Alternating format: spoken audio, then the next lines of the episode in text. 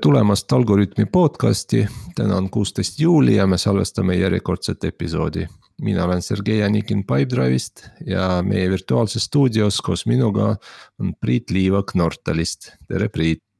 tere, tere. nii ja täna meil on äh, väga põnev teema, äh, meie külaliseks on äh, Rain Johanson, kes juhib engineering'u tiimi sellises firmas nagu Bolt ja me uurime, kuidas see Bolt näeb seestpoolt välja. tere, Rain. tere, Sergei ja tere kõigile teistele. enne kui me räägime Boltist, võib-olla Rain räägid meile äh, endast natuke, et äh, et mida sa oled enne Bolti teinud, äh, noh, mina olen sinuga juba pikemat aega tutvunud, oleme ühes firmas koos töötanud, aga ühesõnaga mm -hmm. Mikker on sinu uh,. jah, et üldiselt ma olen nagu nii-öelda juhi positsiooni arenenud ikkagi insenerist, et uh, alustasin koodimist kaheteistaastasena uh,. nagu, nagu paljud meist peamiselt, peamiselt oli see C-s ja C++-is päris pikalt kuna see tundus kõige keerulisem ja esialgu oli ka kõige raskem õppida olen töötanud veel Nokias käisin, käisin iga päev Eestis-Soomes tööl mõned, mõned, mõned ajad. mis ja aastad, mis aastad need olid? Äh, see oli kuskil kahe tuhandenda aasta alguses. Mhm. siis, kui veel ehitajad ei ole käinud seal Soomes, et sa olid. Äh, vot seda, seda ma ei tea nüüd Nende kohta mul info puudub. aga, aga siis sai käidud seal jah, ja, ja ütleme siis äh, viimased viisteist aastat olen olnud siis erinevatel juhi positsioonidel, et, äh, et peamiselt äh, rohkem, rohkem back-end poolel, suure skaleeruvusega asjad. Äh, Skype'is, TransferWise'is ja nüüd siis viimased peaaegu kuus aastat Boltis, kus ma juhin siis arendustiimi Skype'is meil oli vist umbes samad samad aastad on ju, kui me olime seal jah, mina olin kaks tuhat kuusteist liitusin, kaks tuhat kuus, kaks tuhat kuus alguses, vabandust jah. ja Transferwise'is ei olnud viga, väga pikalt, umbes aasta aega. seal ma olin aasta aega jah. ja Boltiga sa liitusid päris Bolti, alguses? Boltiga ma liikusin, liitusin peaaegu päris alguses, et nad olid umbes aasta tegutsenud aga, aga sel hetkel olid ikkagi väga väiksed veel mm. -hmm. kui see..., kui suur see kogu organisatsioon sellel hetkel oli? Alla saja inimese?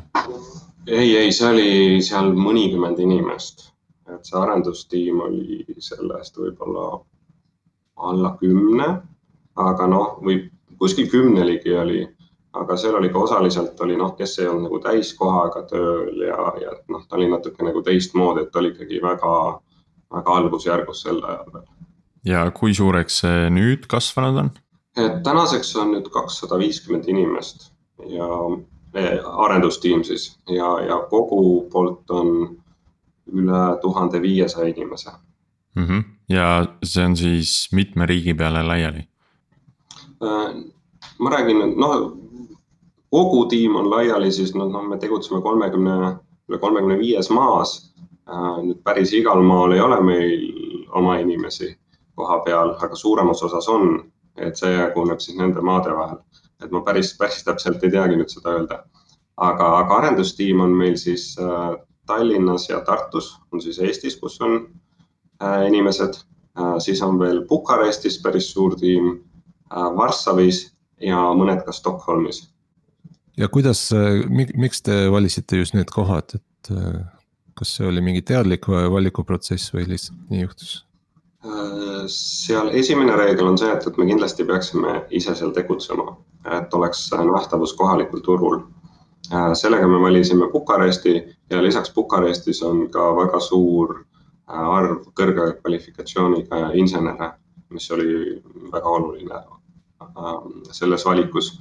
ja Varssaviga sama lugu, et on päris palju inimesi seal Äh, seal on palju tipptasemel ettevõtteid.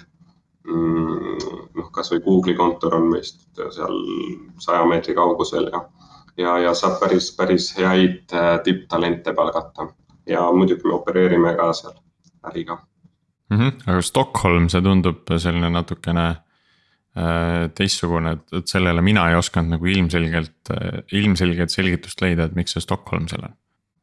seal on, pigem on see, et meil on seal kohapeal kontor, kuna me opereerime seal.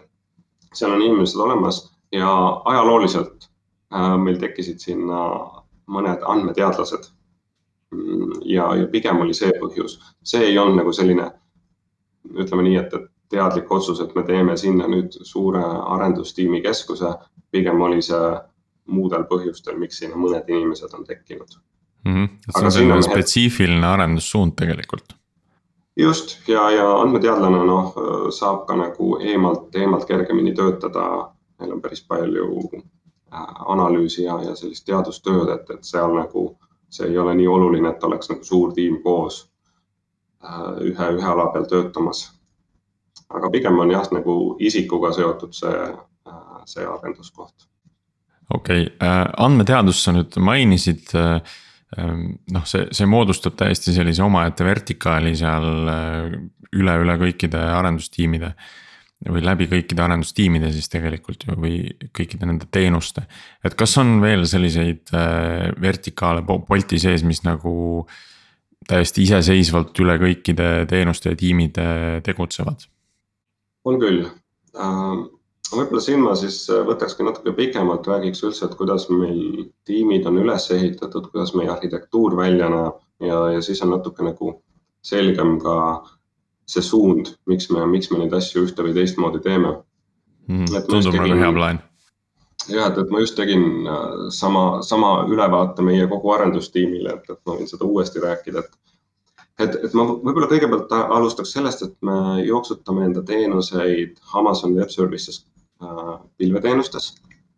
ja ma võib-olla alustakski nendest, et, et see loob nagu konteksti et kuidas on Amazon Web Services üles ehitatud ja siis kuidas on meie tiimid üles ehitatud. et seda algul tundub see nagu, et ei ole seotud asjaga, aga, aga see teeb lihtsamaks tulevikust, tuleviku suunatutest aru saada. tegelikult, tegelikult teeks siin äh, kõrvalepõige, et on olemas selline Conway law, mis ütleb, et, äh, et sinu arhitektuur peegeldab sinu organisatsiooni struktuuri, et noh, mis tegelikult eh, ütleb ka sihukese kogenud juhile, et kui sa tahad muuta arhitektuuri, siis muuda oma organisatsiooni struktuuri ja arhitektuur muutub selle järgi, et. Eh, just, just see, see klapib täpselt sellega kokku ja, ja seda on nagu arvesse võetud. aga, aga jah, et, kõigepealt, kui vaadata nagu Amazon Web Service'it, et kuidas see üles, üles on ehitatud, kõigepealt on meil nii-öelda see andmekeskuse äh, kiht ja, ja see on siis riistvarakiht et see on nagu vanakooli nii-öelda data center, kus sa siis saad riistvara rentida ja jooksutada. see peab seal olemas olema, ilma selleta nagu ei toimu midagi. sinna siis kõik võrguühendused ja, ja kogu riistvara tase. Äh, seda ma kutsun nii-öelda foundation või vundament kihiks. Äh, siis selle otsa on ehitatud nüüd äh, siuksed põhiteenused, mida on vaja, et üldse saaks virtuaalmasinaid jooksutada. noh, seesama virtuaalmasinate jooksutamise osa samuti on sul vaja teatuid baasteenuseid nagu Elastic ja Block Storage, noh, et, et kus sa hoiad üldse seda äh, nagu image'it sellest äh, virtuaalmasinast, et sa saaks selle käima tõmmata. ja see on nagu põhiplatvormi äh, kiht äh,, mida on vaja kõikidele teistele. üldse, et, et põhi, põhiteenuseid siis jooksutada. sinna alla käib ka siis äh, soft'i põhine võrguhaldus et kuidas sa nagu võrke defineerid äh,, virtual private cloud'id äh,, kuidas sa neid äh, eraldad, samuti õigused, samuti API-d ja automatiseerimine. kogu, kogu see kiht, see on nagu põhiplatvorm. ja nüüd. aga äh, Rain, seda ju pakub cloud teile on ju? seda pakub cloud jah, et, et ma, ma põhimõtteliselt tahangi rääkida, et kuidas on nagu kihtide kaupa üles ja, ehitatud okay., ma varsti jõuan meie Bolti, Bolti tiimide juurde okay.. selle, selle otsa on ehitatud service as a service, noh näiteks andmebaasi teenust. ehk siis tegelikult seal on ka omad äh, DBA-d ja omad äh, site reliability insenerid, kes siis jooksutavad neid teenuseid sinu jaoks. ja nüüd, kui me vaatame, siis lähme Bolti äh, tiimide juurde, siis meil on ka nii-öelda foundation ehk, ehk vundament tiimid. seal on siis site reliability. Nende töö on siis jooksutada äh, neid virtuaalmasinaid ja automatiseerida, määrata võrke. Äh, kogu see kiht on nende hallata, samuti ka andmebaasi teenused in-memory andmebaasid, kõik, kõik teenused, mida me kasutame või noh, Elasticsearch, Stack ja, ja, ja noh, palju-palju teenuseid, mis meil on, monitooring. see on kõik nüüd siis foundation ehk siis on site reliability peal. siis selle otsa on ehitatud nüüd platvorm tiimid. ja platvorm tiimid on siis sellised tiimid, mis ehitavad üldiseid teenuseid, mida võivad meie kõik ärid kasutada, aga mis on spetsiifilised Bolti jaoks. noh, lihtne näide on siin näiteks communications tiim ja communications tiim siis vaatab seda, ma võtan sellest nüüd ühe osa, üks osa nendest on see vaadata, et SMS-id jõuaksid meie kõikides maades, kus me opereerime, võimalikult kiirelt kohale, et inimesed saaksid ennast registreerida. Tundub nagu lihtne asi, reaalsuses seal on neid gateway sid hästi palju, tuleb vaadata hinda, tuleb vaadata kiirust, tuleb monitoorida, millal tekib mingi probleem, siis neid vahetada. kõik see on nüüd varjatud siis nii-öelda meie kasutajate poolelt ehk siis teiste tiimide poolelt see on üks, üks tüütumaid asju, kui sa saad selle confirmation SMS-i ja siis peaksid saama ja siis seda ei tulegi kohale. just, see mõjutab kohe nagu conversion'it, mõjutab inimese kogemust. me võime noh, kliente kaotada, kui tõesti ei saa kätte, et väga oluline tiim. ja, ja nendel on siis noh, hunnikus äh, erinevaid monitoorimis dashboard'e, mida nad jälgivad, jälgivad meetrikaid samuti vaatavad, kuidas meie erinevad äriliinid kasutavad neid teenuseid ja, ja seda me kutsume platvorm tiimiks jah, ma registreeriksin ühe küsimuse, et sa ei pea kohe vastama, aga, aga siin -hmm. tekib äh, huvitav küsimus, et. et kas te olete ise seda ehitanud, sest ma tean, on päris mitu firmat, kes kes pakuvad samasugust teenust ja noh, näiteks sama Uber äh, ju on kasutanud ja Twilio minu teada on kasutanud hoopis kolmanda osapoole just SMS-i delivery teenuseid, kellel on, ma ei tea, kahesaja telkoga üle maailma on nagu need lepingud, otselepingud tehtud, et. et ühesõnaga, võib-olla mingi hetk räägime ka sellest, et nii-öelda ise ehitamine versus nagu mingi teenuse kasutamine. ja ma kohe, kohe vastan ka sellele ära, et jah, et me kasutamegi sarnaseid teenuseid, aga neid on äh, erinevaid paljudes maades nii-öelda need kohalikud teenusepakkujad need, need suured tihtipeale ei pakugi need agregeerijad. Ja siis tuleb teha kohaliku teenusepakkujaga see ühendus ja see on kiirem ja parem. ehk siis me kasutame neid, me ei implementeeri kõike ise, aga meie nii-öelda see tiim varjab kogu selle loogika ära, et see, kellega nemad lepingut teevad, mis on kiirem, mis on parem, see on nende eh, tiimi meetrika, nii-öelda nende, nende äri KPI on see, et kuidas kõige paremal viisil, kõige parema hinnaga see kohale toimetada ehk siis me kasutame küll, aga see on juba nii-öelda noh, selle tiimi teema.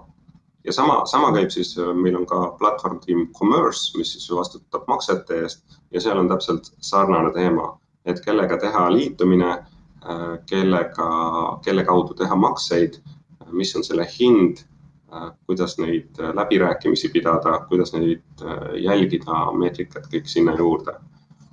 ja kui palju siukseid platvormi tiime on? Umbes mm, kümme? pakuks jah, võib-olla kümne ringi, natuke, natuke vähem, natuke vähem võib-olla mm. umbes kümne ringi, on... seal on A-B test ja, ja user ja noh, nii-öelda kasutaja mm. ja, ja muid. kas need on äh, nagu sellised täiesti eraldi nagu äriunitid, et seal on tootejuhid ja ma ei tea, mingisugune ja võib-olla isegi noh, analüütikud, mingid finantsinimesed, need puhtas, puhtalt nagu arendustiimid. Äh, ja siis see äripool nii-öelda on eraldi. ja noh, sellest võiks, võiks nagu eraldi rääkida kogu sellest toote, tootejuhtimise teemast, et täna meil on seal, on, on mõned tootejuhid. aga reaalselt noh, see lähebki nende nii-öelda äriks selle, see toode ongi nagu service as a service. ja seal on täpselt samad ärimeetrikad, lihtsalt see toote piir on API. ja kui suured nagu, kui palju, kui mitu arendajat tavaliselt sihukeses platvormi tiimis? Kõikide tiimidega on üldine reegel, et me tahame noh, rihime selle suunas, et tiim oleks kuni seitse inimest.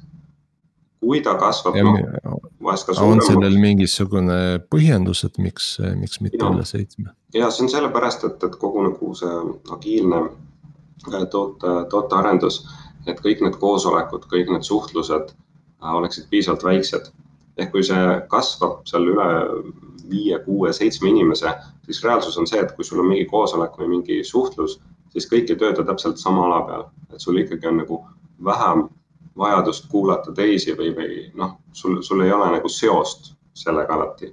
ja see on niisugune piir, mida me oleme jälginud ja samuti on ka see, et kui palju nagu nii-öelda ühendusi sa pead hoidma teiste inimestega. ehk siis, kui sa peaksid nagu suhteid äh, lähedaselt hoidma seal kahekümne inimesega, siis selgelt sul kõigiga ei ole seda, et, et seal tekivad ikka mingid alad, mis on omamoodi erinevad. üks, äh, üks mõõdik, mida kasutatakse, on see, et mitu inimest on võimalik kahe pitsaga ära toita, et. Äh, ja tegelikult jah, kunagi ma tegin selle kohta presentatsiooni, seal on hästi palju see, see kahe pitsaga, see oli vist Jeff Bezose näide, aga mis, mis, mis näitab täpselt sama suunda, et et pigem hoida need konnektsioon, ühenduste arv nagu väike. et kui vaadata noh, seitse inimest, siis on see on noh, nelikümmend üheksa on ju. Või noh, okei okay,, iseendaga ei ole, siis nelikümmend kaks on ju, aga, aga et, et seda hoida piisavalt väiksena ja et see tiim oleks efektiivne, et need koosolekud ei oleks pikad, suhtlus oleks kiire. ja okay., ja reaalselt nagu minnes arhitektuuri juurde, et kui sul nagu juba täiesti ühe, ühe mooduli, ühe asja kallal on rohkem kui seitse inimest, siis on nagu midagi valesti, et. et suurem osa asju sa saad ikkagi palju väiksema tiimiga ära teha ja siis sa saad selle tiimi päris loogiliselt äh, ka juba nii-öelda väiksemaks äh, lõhkuda. Mm. -hmm. ja meil on nüüd, äh, kui sa ütled seitse inimest tiimis, umbes kümme core tiimi, see on siis seitsekümmend, seitsekümmend arendajat on meil praeguseks loetud, millega tegelevad ülejäänud? See ei ole nagu päris täpselt alati seitse, on ju, et on ja, kolme no, üle, aga umbes jah, ütleme sinnakanti. et sinna otsa nüüd, me rääkisime platvorm tiimid ära, et sinna otsa nüüd tulevad siis need tegelikult need äritiimid.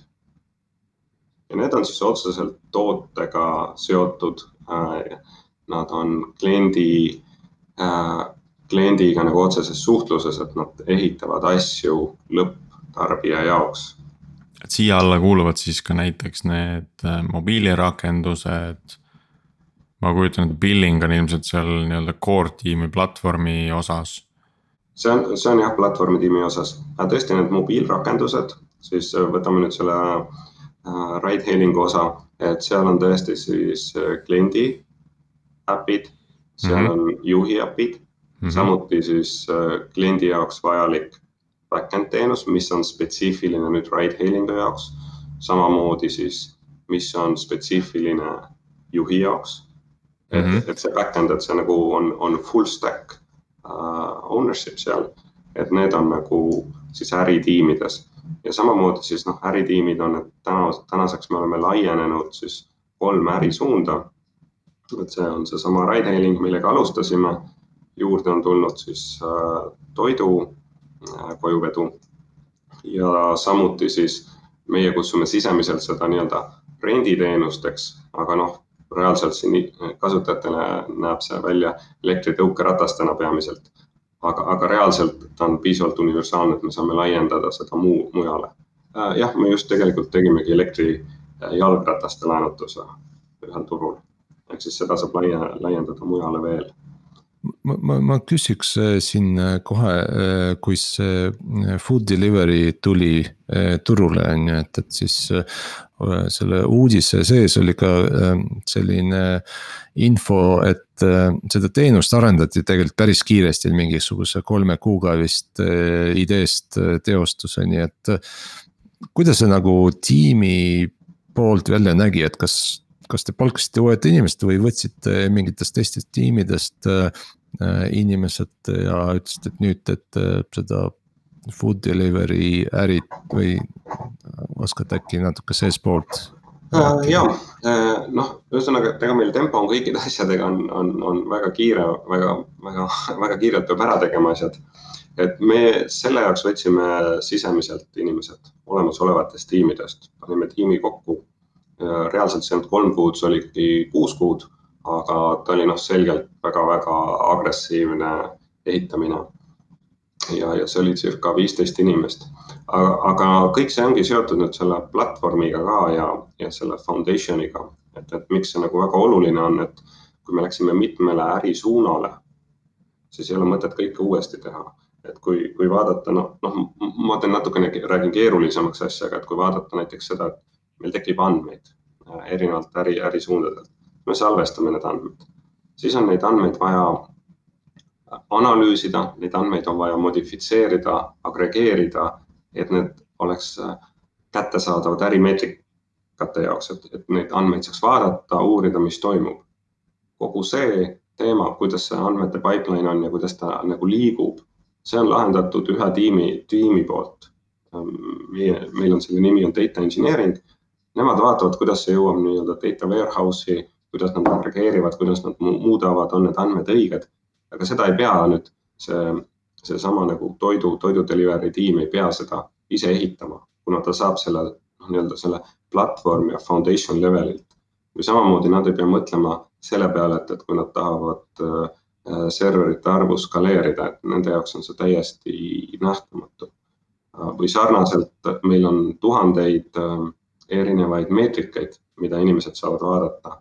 tänaseks on meil selle framework'i tasemel on väga lihtne lisada meetrikaid, mida sa tahad näha, kas see on siis tehniline meetrika Äh, näiteks ähm, latency või, või päringute arv sekundis enda teenuse kohta või on see mingi ärimeetrika, mida sa tahad vaadata. et, et kõik need võimalused on loodud, et sa saad nagu kiirelt ehitada uusi tooteid. Aga see tähendab, et äh, enamik nagu selliseid tehnoloogia otsuseid on juba tiimide eest äh, ära tehtud, on ju, ja siis. Nendel on vaja lihtsalt äh, valmis klotsid kokku panna uueks teenuseks.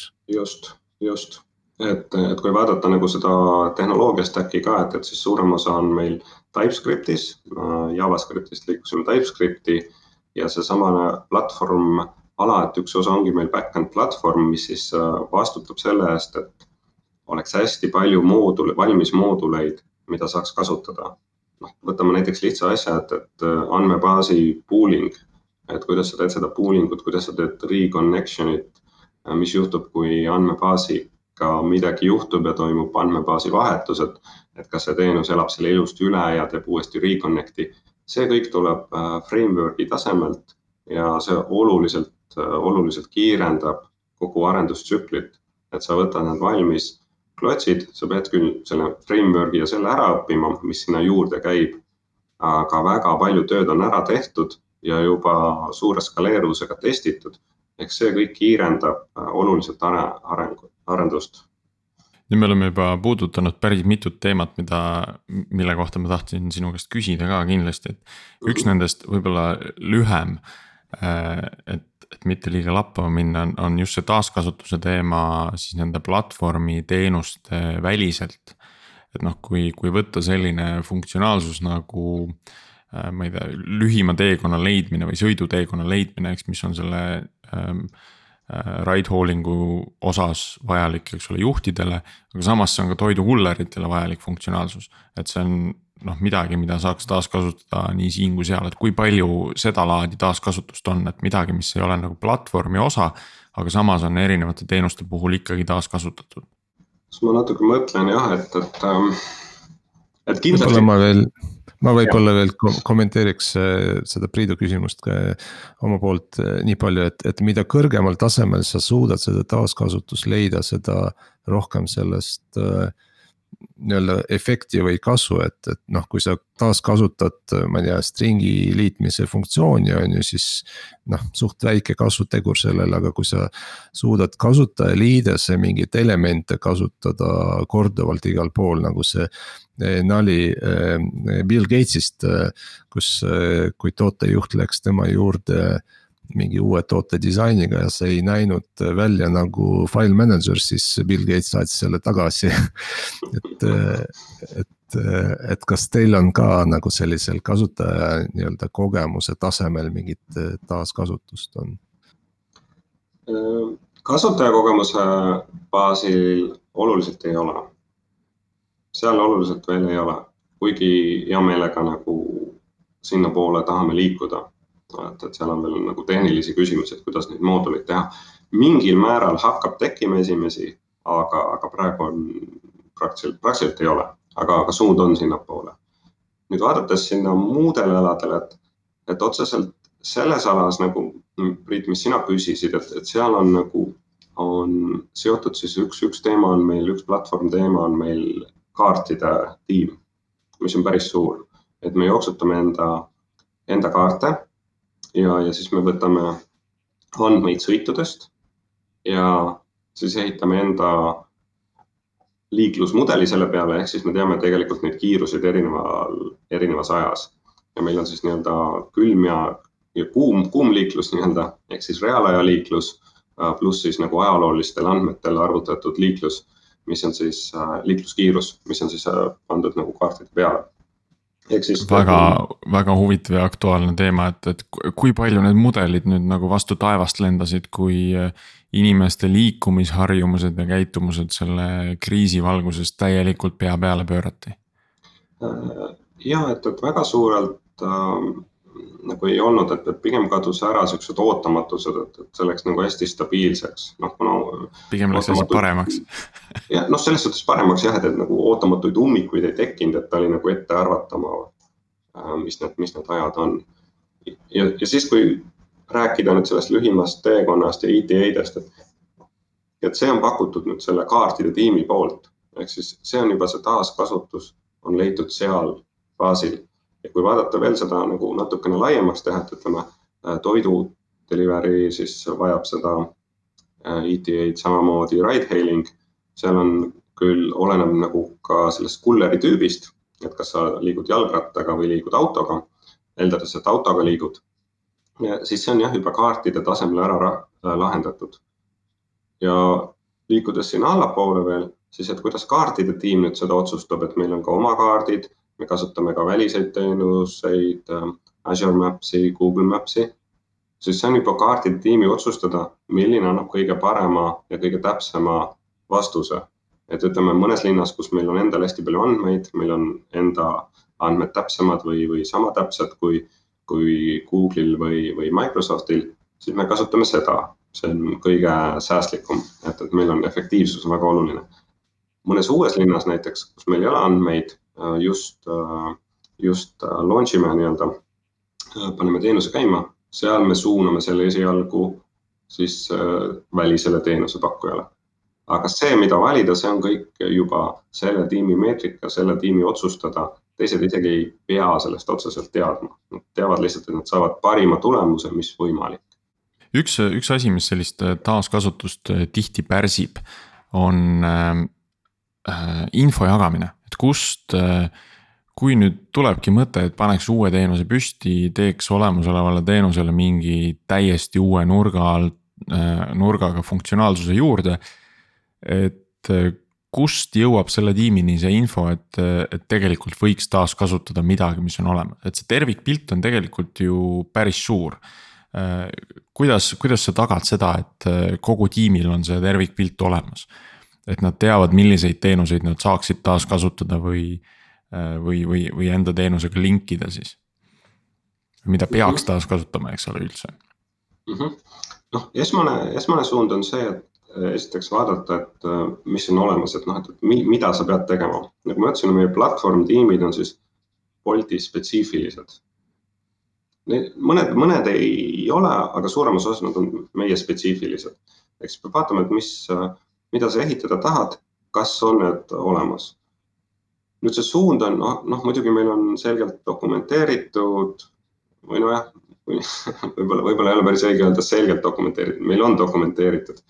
ja, ja, ja pigem see suund on, et, et sa ei peakski nagu selle tiimiga rääkima, aga et sa lähed, vaatad seda dokumentatsiooni, vaatad API-sid, kas sul on see olemas. ja, ja kuidas minu nägemus on kogu sellest asjast on, et tegelikult ei ole vahet, kas sa kasutad sisemist teenust või kasutad välisteenust mm. -hmm. et see tase Eks, peab sama hea olema, eks ole, see kasutatavus.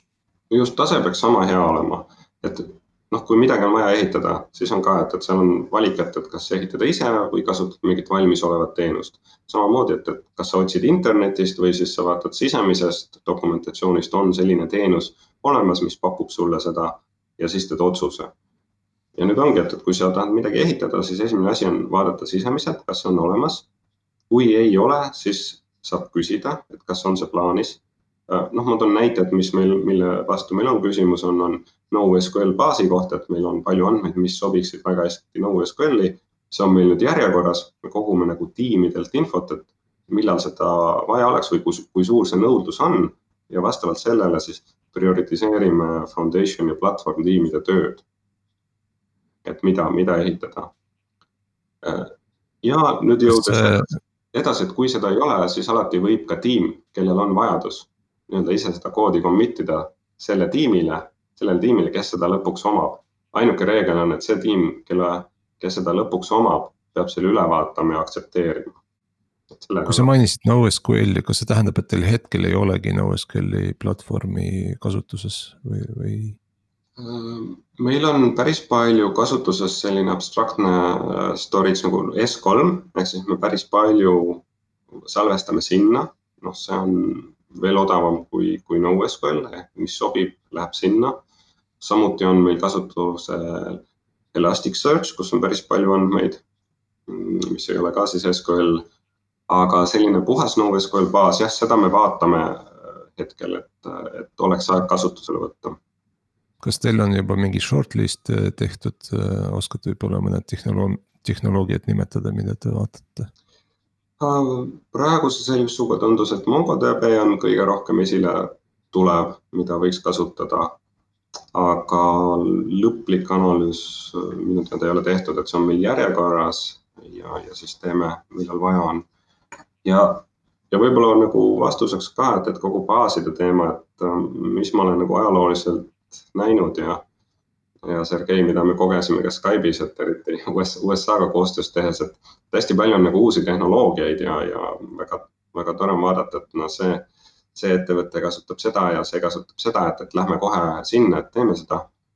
et meie lähenemine on see, et me peame hästi efektiivsed olema, et pigem kasutame seda, mida me oskame hästi ehk siis, kui võtta seesama, me kasutame MySQL-i hästi palju, me teame, tunneme seda väga-väga põhjalikult.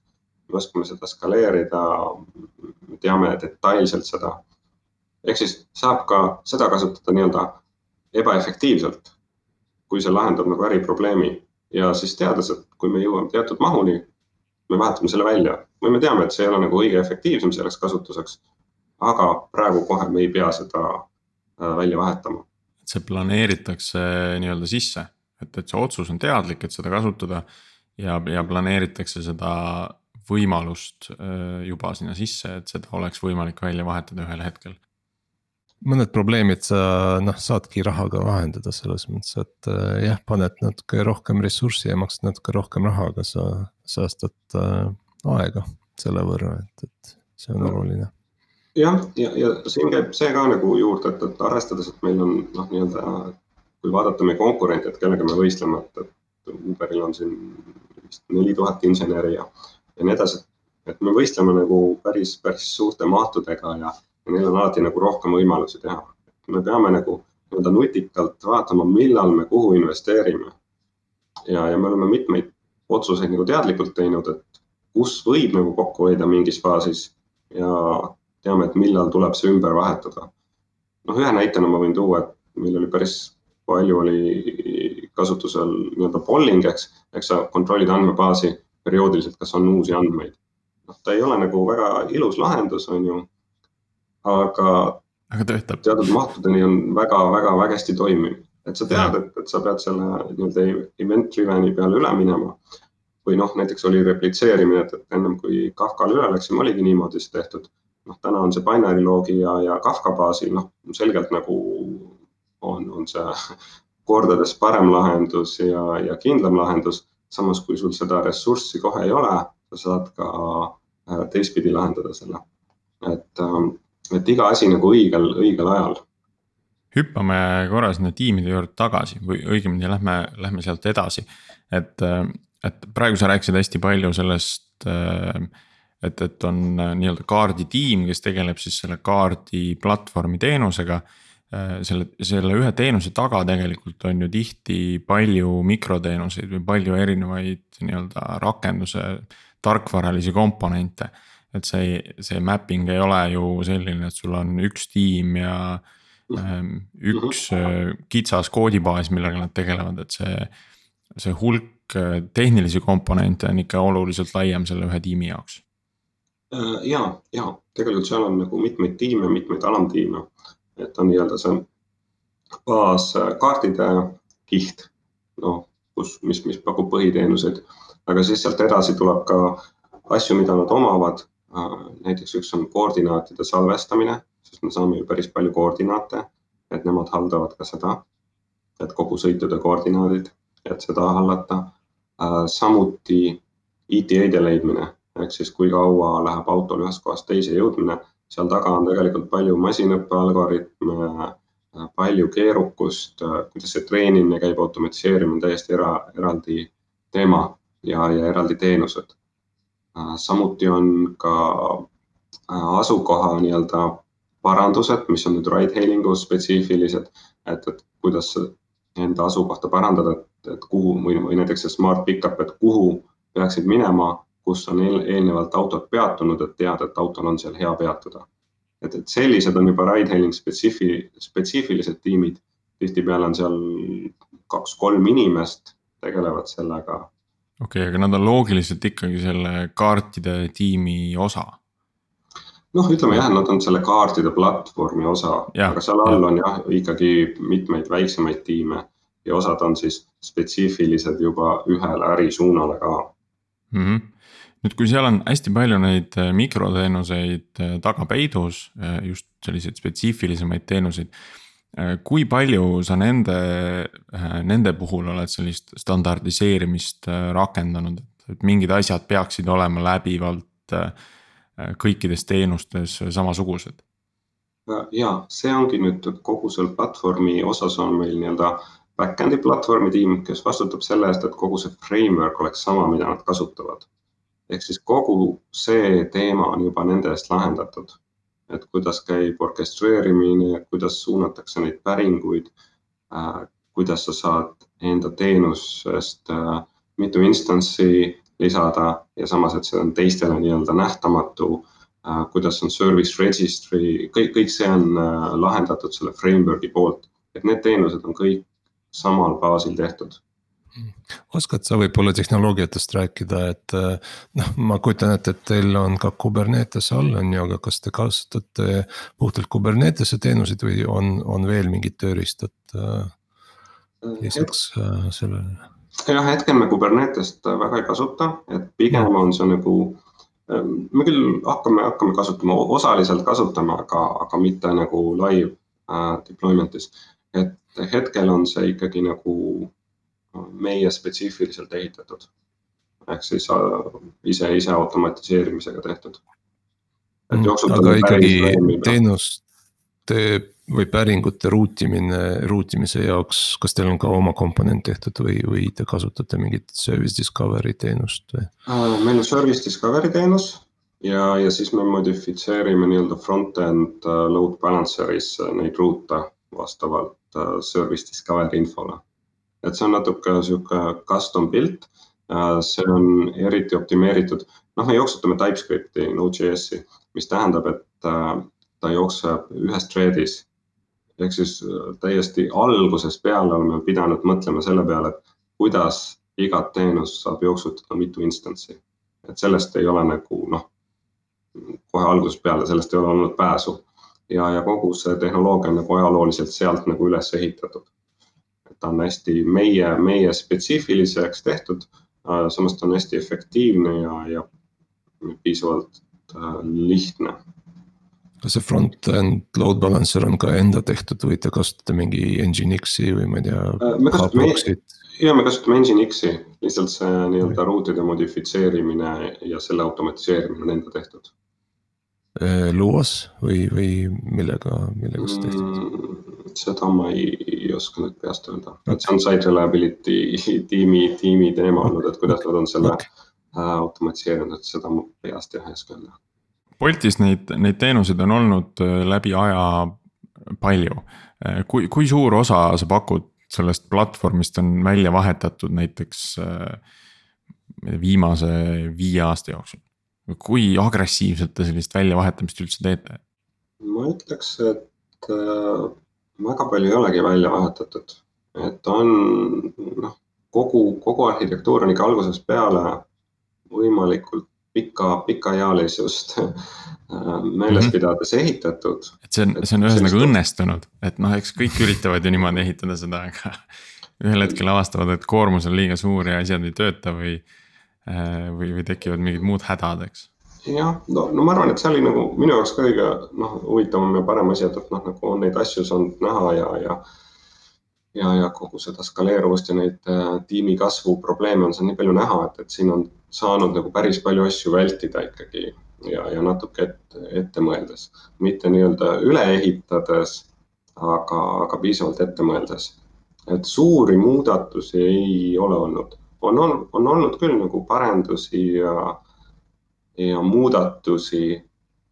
aga, aga mingeid selliseid suuremaid põhimõttelisi muudatusi ei ole olnud võib-olla oskad äh, mõne huvitava tehnoloogia rääkida, et, et millega sa ei ole enne Bolti kokku puutunud ja noh, tundub sihuke hea, mida jagada teistega, et sihuke kasulik ja. noh, enne Bolti ma olin vähe nagu TypeScriptiga kokku puutunud. Et see mulle selles suhtes meeldib, et ta on hästi lightweight, ta on hästi sobilik äh, sellisteks teenusteks, kus on äh, vaja palju päringuid teenindada. et, et ta põhineb nagu siis async äh, koolidel seal, kes, kes siisti ja Beepoli peale näiteks ehitatud on ju. et, et ta jälgib neid socket eid ja siis vastavalt sellele, kas tuleb, tuleb andmeid sisse või on vaja andmeid välja minna, siis vastavalt nendele event idele reageerib. et ta on väga hästi sobilik skaleeruvate asjade ehitamiseks ja teine pluss on, et seal ei ole äh, multitrading ut, millega päris palju nagu tekib probleeme. et, et kui vaadata nagu, kes tulevad C++-ist, Javast, äh, C-Sharpist, et paljud on nagu sellega kokku puutunud. see tundub esialgu lihtne, aga varem või hiljem mm, sa jooksed probleemide otsa. Kas läheb kuskile aeglaselt, kas sa ootad mingite lukkude taga, et see on nagu päris keeruline asi, mida optimeerida debug ida ja, ja, ja lahendada. et, et see on nagu minu arust päris suur pluss. et, et see mulle nagu meeldib, et see nagu juba välistab kohe selle asja ja, ja samas ta sunnib arhitektuuriliselt mõtlema, et, et sa ei saa nagu ühte, ühte suurt monoliiti hakata sinna otse ehitama, et, et sul, sa peadki nende teenuste peale mõtlema, sest noh, üks, üks üks thread on ju, et kui sul on kuuekümne nelja korraga masin ja sa jooksutad seal ühe, ühe korra peal kogu enda teenust, et et sa ei saa, sa väga kaugele ei jõua, sa pead varem või hiljem sellele mõtlema hakkama. ja see on minu arust väga hea, et tavaliselt sellele nagu ei, ei, ei mõelda. ja, ja võib-olla taustaks ka, et, et meil suurem osa inimesi, kes, kes tööle on tulnud, et vist kõige rohkem ongi C++-i taustaga tegelikult ise hmm.. et sellised. täitsa huvitav, et C++-i tausta pealt just äh, JavaScripti peale. et see, see tundub päris pikk hüpe, päris teist, teistsugusesse maailma ja et, et kui vaadata, et kas meil keegi on üldse nagu TypeScripti või, või Node.js-i kogemusega, siis mm, väga väike protsent võib, võib-olla viis protsenti. et suurem osa tulevad teiste tehnoloogiate, teiste keelte pealt. aga see nagu ei ole otseselt probleem olnud, et natuke õppimise aega lihtsalt. ütleme nii, et demokraatlik keel mul üks teine konksuga küsimus, et äh, kui vaadata GitHubis ringi, siis äh, tegelikult sa näed, et Uberil on hästi palju open source projekte, et, et mul, mul vahel, vahest isegi on tekkinud tunne, et. et kõik tiimid, kes vähegi mõtlesid, et oo, et noh, tegelikult siin mingit sihukest ärisaladust ei ole, et teeme open source'iks, et noh, sa näed täiesti Uberi spetsiifilisi asju, nad ei ole väga mõelnud nagu sihukeseks abstraktseks ehitada, et kas te olete nagu sinna sisse vaadanud, äkki mõned asjad olete sealt äh, üle võtnud või, või, või ei ole sellega tegelenud? jah, ühe asja küll oleme, minu arust oli see Prometheusi skaleerimise osa, seda me minu, minu teada oleme kasutanud open source'is. ja me oleme ise ka mingeid asju open source inud aga muus osas, eks me ikka vaatame, noh, kõiki, kõiki asju vaatame, aga minu, minu arust me väga palju muud ei ole kasutusele võtnud. meil on pigem olnud kogu aeg see, et, et noh, see on nagu minu hinnang, minu arust Uberis on natukene üle, üle arendatud mingeid asju. et, mida ei oleks vaja teha, et meil on alati nagu äh, inimesi vähe, vähe olnud meie kasvu kohta. et, et me olime üks, üks väheseid ettevõtteid maailmas, kes viiekümne inseneriga ehitas miljardilise ettevõtte, et nii palju, kui ma olen uurinud, siis neid on väga-väga üksikuid selliseid, selliseid ettevõtteid maailmas. ja, ja no, kohe tuleb meelde kohe tuleb meelde Whatsapp on ju, kes, kus oli vist kolmkümmend inimest kokku, kui Facebook neid hästi suure summa eest äh, ära ostnud, aga, aga. Äh, ma ei tea, äh, Priit, sul on alati huvitavaid küsimusi äh võib-olla hüppaks korra sinna testimise poolele ka, et nagu veel sellise tehnilisema nurga alt võtta, et noh, kui nüüd siin juba võrdluses Uberiga tuli Ehm, siis mina olen kuulnud lugusid, et, et Uberis väga testimist ei olegi, et neil on mingi hunnik probe kuskil live süsteemis ja nad jälgivad nende probe'ide andmete liikumist siis. Et kui mingisugune meetrika live süsteemis läheb halvemaks, noh siis pööratakse sellele tähelepanu.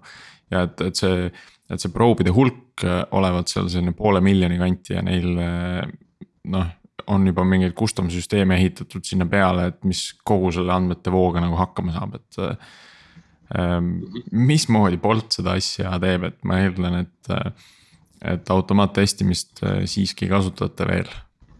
Äh, ja, et, et meil ongi kõik back-end teenused on automaattestidega kaetud, peavad olema kaetud. seal on sada protsenti automatiseerimine, see on osa inseneride tööst. manuaalset testimist seal ei ole. Äh, kus meil on manuaalset mm -hmm. testimist? kui test, test on roheline, siis läheb laivi otse põhimõtteliselt küll jah mm,. kui seal on nüüd äh, mingi spetsiifilisem juhtum, et seal see mõjutab ka nüüd live äppi otseselt ja, ja oleks vaja testida koos live äpiga, et siis seal on meil ka manuaalsed testid, kus inimesed nagu tegelikult manuaalselt testivad äh, neid äppe üle. samas ka seal on väga suur osa automatiseerimisel ehk kõik funktsionaalsus, mida saab automatiseerida, sinna me nagu investeerime palju ja, ja jooksutame automaattestidega.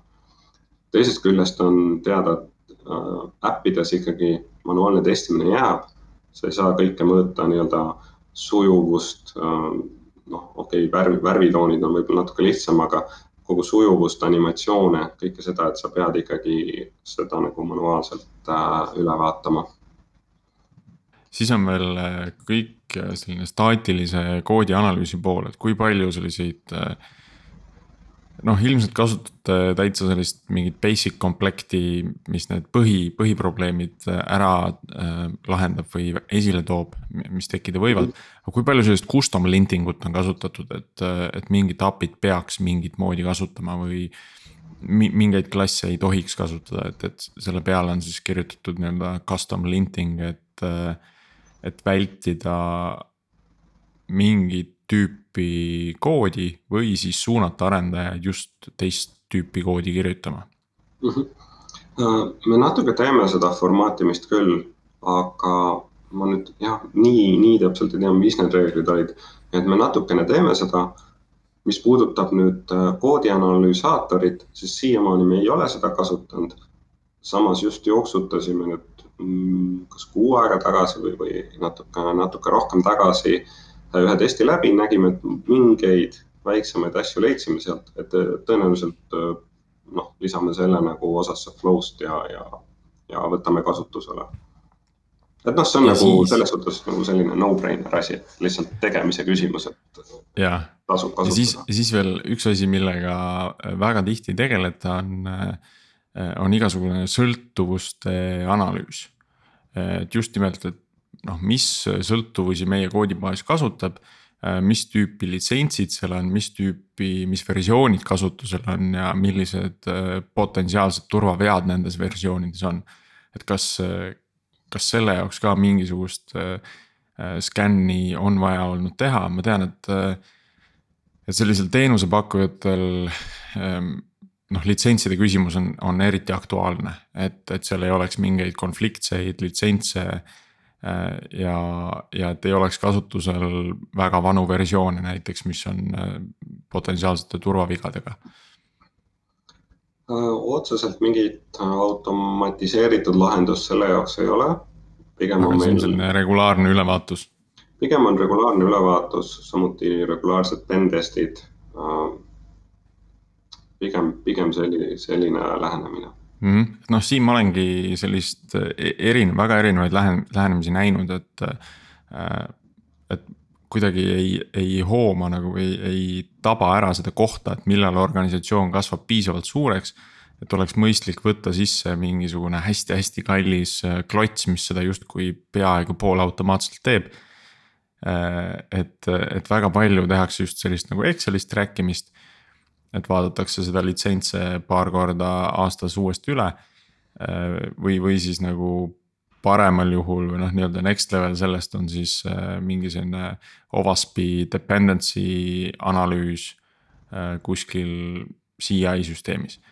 Äh, aga noh, seda, et ka meil on käinud paar ettevõtet müümas lahendusi, mis justkui joonistavad sulle automaagilisi graafe nendest sõltuvustest ja toovad välja igasuguseid litsentside konflikte, aga noh, ma, ma ei ole veel kohanud kedagi, kes päris sellist asja kasutaks?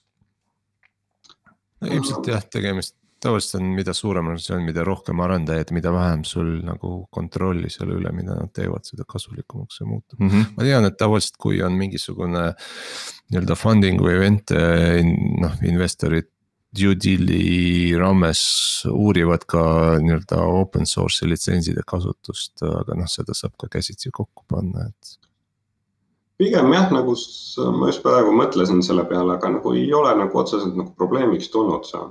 et me teeme seda pigem, pigem käsitsi, on, on teada, äh, on kontrollitud seal framework'i tasemel. Open source litsentsitüübid on teada, mida me võime kasutada. Ja, ja nagu otseselt ei, ei ole nagu tulnud äh, probleemiks. et, et pigem, mis meil võib-olla on nagu raskem, on, on, on see, et, et me tegutseme reguleeritud turgudel ja siis käivad ülevaatused, et me vastaks nagu sellele regulatsioonile ja, ja sealt tuleb nagu päris palju nõudeid. et, et see, sellega nagu võib-olla rohkem tööd olnud.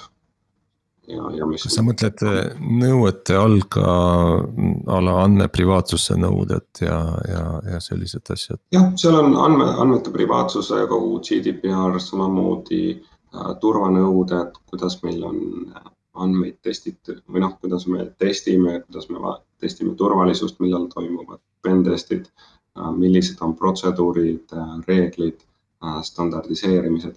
et, et see on nagu selline, ütleme, ütleme see, mis on nagu ettevõtte mõttes ja engineering'u mõttes nagu suurem muutus, et tuleb rohkem regulatsioone ja reegleid, mis, mis paratamatult nagu inseneridele väga ei meeldi, sest see on nagu selline aeglustav, aeglustav faktor aga samas neid peab tegema mm,. see ja, suunab ka sellist äh, regulaarset kontrolli tegema nendele asjadele, et järjekordset väljavõtet tegema mingisugustest äh, parameetritest, eks. Et millised, millised sõltuvused meil siis sees on, et nüüd järgmise auditi jaoks on vaja uut ja värsket infot, eks mm. -hmm. seda ka just. kui, kui me läheme äh, tagasi arhitektuuri juurde just nende cloud Ähm, kasutuse, äh, pilvekasutusse tagasi, et kas teil on nagu mitu regiooni ja kuidas neid regioone valite, noh, ma tean, et GDPR nõuab, et teatud andmed oleksid näiteks äh, Euroopas äh, kohapeal salvestatud mm. -hmm. Mm -hmm. hetkel me jookseme peamiselt Euroopa regioonis või noh, mitte peamiselt, vaid ikkagi noh, suurem osa, üheksakümmend üheksa protsenti on Euroopas ja, ja lihtsalt mitmes availability tsoonis ehk siis mitme data center'i vahel, aga ikkagi samas regioonis. ja, ja hetkel nagu ei ole nõudeid, et me peaks mitmes regioonis jooksutama äh,. samas mitme regiooni ehitamine on nagu oluliselt äh, keerukam, see lisab päris palju või noh, väga palju keerukust. ja vaadates meie turge, kus me tegutseme, siis tegelikult need latency küsimused ei ole nagu nii suureks probleemiks, et see õigustaks seda. ehk siis kuigi tehniliselt oleks nagu seda väga huvitav ehitada, siis äriväärtus on, on nagu küsitav. -hmm. kuidas, kuidas need, ma tean, et Aafrikas teil on äh, suht palju opereerimist, et, et kuidas latency'ga just Aafrika riikides on? jah, et, et noh, latency on, on ju, aga samas, kui vaadata seda nagu äpi kogemust või, või mis seal toimub, siis see ei ole nagu otseselt äh, probleemiks või ei sega kuidagi kasutust või ei anna väga suurt efekti. et vaadates nagu mingeid lokaalseid andmeid, mida saab nagu äh, kohalikust äh, data center'ist äh, välja pakkuda, siis seda me muidugi vaatame. et noh, staatilisi pilte või, või, või noh, loogilisi asju, mida saab nagu koha pealt pakkuda. et seda saab muidugi optimeerida, aga suuremas osas need päringud on väga väiksed binary protokolliga, noh et, et seal see väike latency on, on pigem kasutaja kogemuse küsimus, et kuidas sa seda nagu varjad, aga mitte, et ei, ei sega nagu kasutust või ei tundu aeglane kas need äh, mobiiliäpid, kas, kas nad kasutavad nii-öelda sünkroonseid päringuid äh, või, või neil on kogu suhtlus serveriga sünkroonseks ehitatud, et just varjata seda latentsi või, või erinevat nii-öelda latentsi erinevates regioonides? Nii-öelda päringud on äh, sünkroonsed, aga kasutajakogemus on asünkroonne. ehk siis noh, kui seal taustal ka mingit vastust oodatakse, et see ei tähenda, et nüüd noh, äpp, äpp selle taga ootab. sest nii palju, kui ma mäletan, Priit, kas sa olid või ei olnud selles saates, kus äh, Tanel Hiil rääkis Lingvistist, siis minu meelest nad on ehitanud kogu äpi kasut-. nii-öelda kogemuse asünkroonsete päringute peale no Frontis on... oli vist ikkagi sünkroonne täpselt samamoodi yeah.. Mm -hmm. aga seal jah, samamoodi, et taga läks võimalikult kiiresti see asünkroonseks üle mm. -hmm. kui ma nüüd õigesti äh..., täitsa uuesti kuulama seda. kas, äh, kas need äh, mobiiliäpid, nad on äh, native nii-öelda keeles äh, kirjutatud või, või te kasutate mingit cross-platvorm komponente äh,? ja, ride-hailing omad on kõik native, et iOS ja Android native, mis puudutab nüüd äh, Äh, toidudelivery'd, siis see on äh, React Native'is. ja oskad äh, mingit kuidagi kommenteerida, et kumb on nii-öelda parem? see on, see on nagu huvitav, huvitav küsimus, et mõnes mõttes nagu rääkides sellest UI komponentide ära äh, uuesti kasutamisest ja sellest, siis noh, loomulikult oleks palju lihtsam nagu ühtset, ühtset veebi kasutada, palju kiirem arendada, igatipidi parem. pigem on nagu suurem küsimus selles, et et me ei tea nagu tulevikku, et mida toob järgmine iOS versioon, mida toob järgmine Android versioon. ehk arenduse mõttes ja nii-öelda ühtlustamise mõttes muidugi oleks palju lihtsam üle minna, eeldusel, et mobiiltelefonid on piisavalt võimsad juba ja, ja, ja, ja noh, põhimõtteliselt nad toimivad, on küll üksikuid probleeme, aga saaks nagu üle minna. aga teisest küljest ei tea nagu, mida need native platvormid tulevikus toovad eks nagu väga-väga raske otsus oleks ka nagu üle minna. et seda me ise nagu kogu aeg arutame ja, ja mõtleme, et, et, et kas no, peaks samas, kui sa mõt... üle või mitte nagu ühtsele peale. kui sa mõtled, äh, et kui te kasutate sihukest cross-platvorm äh, lahendust nagu Reactive, React Native, et siis justkui selle React Native'i meeskond peaks muretsema nende uute platvormide pärast ja, ja teie muudkui kasutate ühisplatvormi või, või, või nii ei ole või, või nad on nagu äh, jäävad hiljaks, et te justkui tahaks uut, uued võimalused kasutada, aga kuna React Native neid ei toeta veel, siis te ei saa.